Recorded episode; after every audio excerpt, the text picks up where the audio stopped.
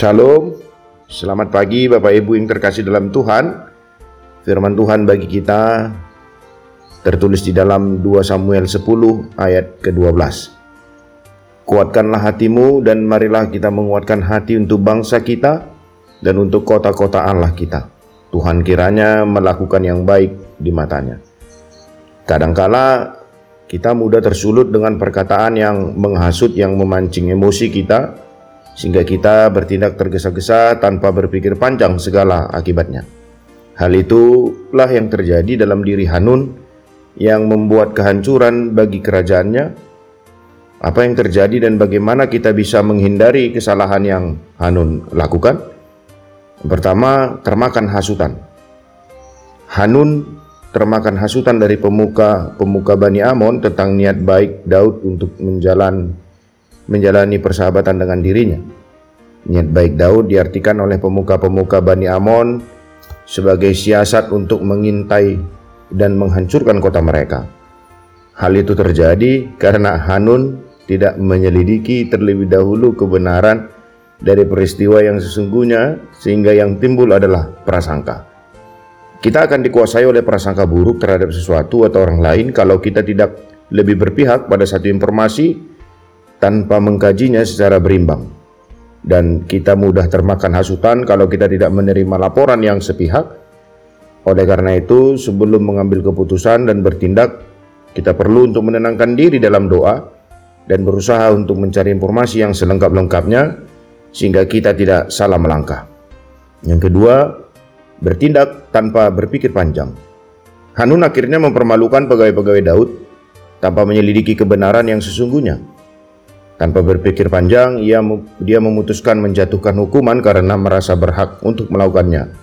Akibat dari tindakannya itu, Daud memerangi Bani Amon dan mengalahkannya. Terkadang kekalahan kita yang alami akibat tindakan kita yang sembrono dan tergesa-gesa. Ingatlah, penyesalan selalu datang terlambat, karena itu berpikirlah masak-masak sebelum Anda memutuskan untuk melakukan sesuatu sebab sesal di kemudian hari tidaklah berguna. Keputusan yang baik berasal dari hati yang benar di hadapan Tuhan. Karena itu, kuasailah dirimu dan jadilah tenang supaya kamu dapat berdoa. 1 Petrus 4 ayat yang ke-7. Kembalilah kepada firman Allah, Tuhan memberkati.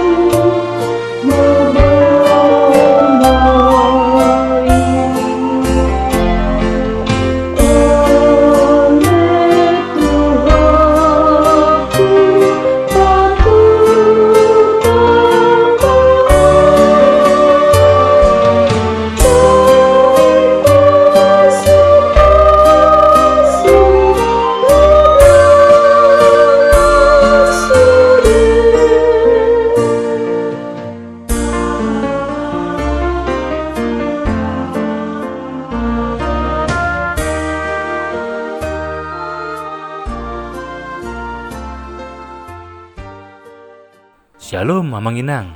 Terima kasih sudah mengawali hari dengan mendengarkan renungan hari ini.